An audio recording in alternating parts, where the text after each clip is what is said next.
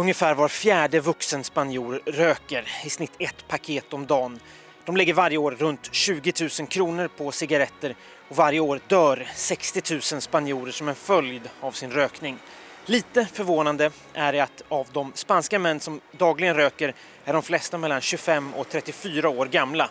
Idag skriver alla våra spanska tidningar om en av de hårdaste satsningarna från den spanska regeringen någonsin på att få sitt folk att sluta röka. Det här genom att göra läkemedlet Todacitan med det aktiva ämnet cytosin gratis.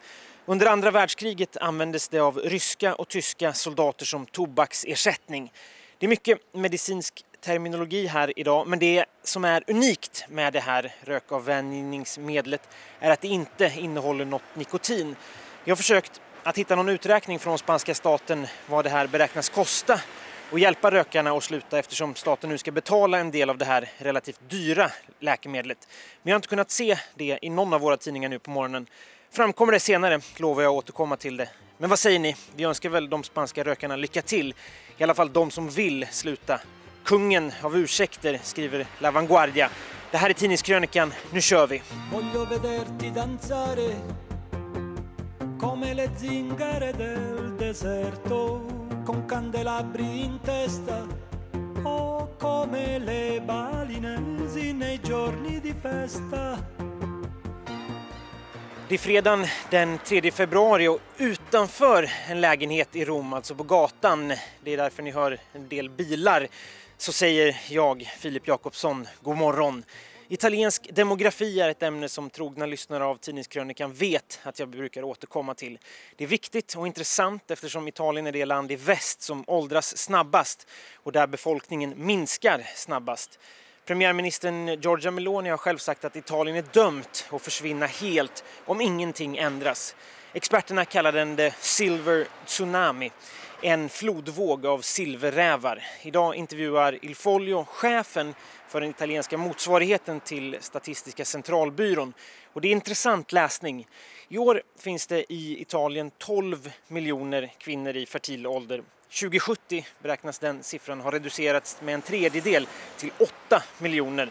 Och befolkningen som idag är på 59 miljoner beräknas då ligga på 48 miljoner. Redan idag har flera italienska regioner, särskilt i södra Italien, fler pensionärer än människor som arbetar. Det är klart att det här leder till problem. Hur ska man ta hand om de äldre och vem ska göra det?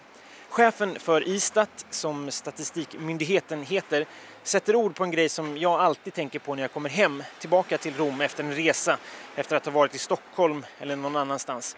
När jag går på Roms gator, säger han, ser jag aldrig någon gå med barnvagn eller ett barn i famnen. Ska jag vara helt ärlig ser jag aldrig ens några barn.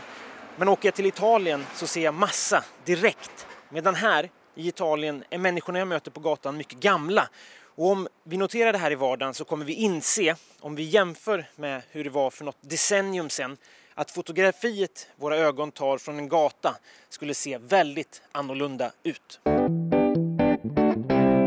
För mig går det en rät linje mellan den italienska demografin och de unga som deltar i pensionsdemonstrationerna i Frankrike. Den franska regeringen ser det ju som nödvändigt att höja pensionsåldern till 2030 från dagens 62 till 64. I Italien är pensionsåldern förresten redan idag 67 och då har Frankrike ändå en betydligt bättre demografisk kurva. I Frankrike föds 1,8 barn per kvinna medan den siffran i Italien bara är 1,25. Men i alla fall, de unga som demonstrerar i Frankrike. Figaro har träffat några av dem idag. Och bland de unga fransmännen som tagit till gatan för att demonstrera mot en reform som handlar om pensioner, när många av dem ens inte kommit in på arbetsmarknaden än, så cirkulerar en fråga starkare än alla andra, skriver Figaro. Det är frågan om de här demonstrationerna kommer att bli till ett nytt maj 68. Då handlade det om universitetsväsendet, nu om pensionerna.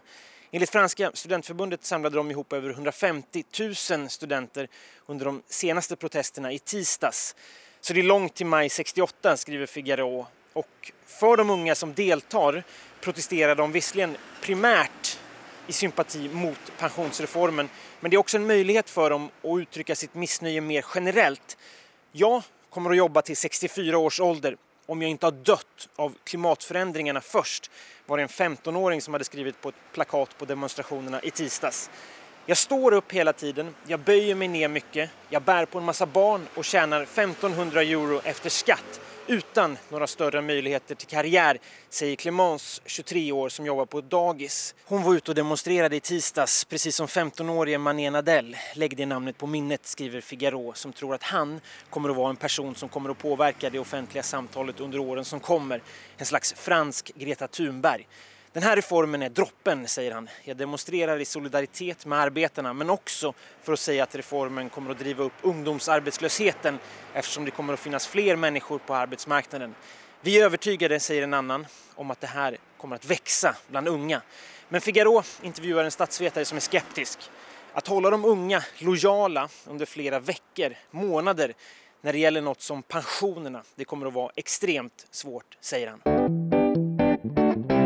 I onsdagens avsnitt sa jag förresten att de kommande demonstrationerna i Frankrike kommer att hållas den 7 och den 13 februari. Det var fel. Det är den 7 och den 11 februari som gäller och ingenting annat.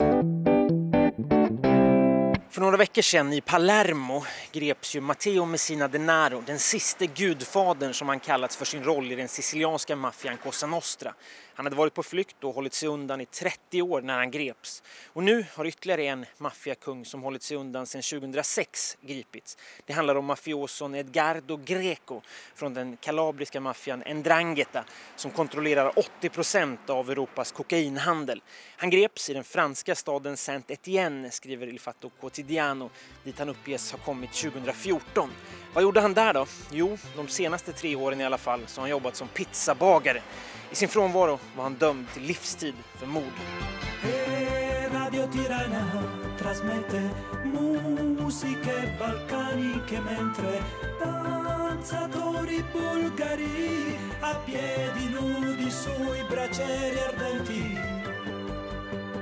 nell'Irlanda del Nord nelle balere estive coppie di anziani che ballano al ritmo di sette ottavi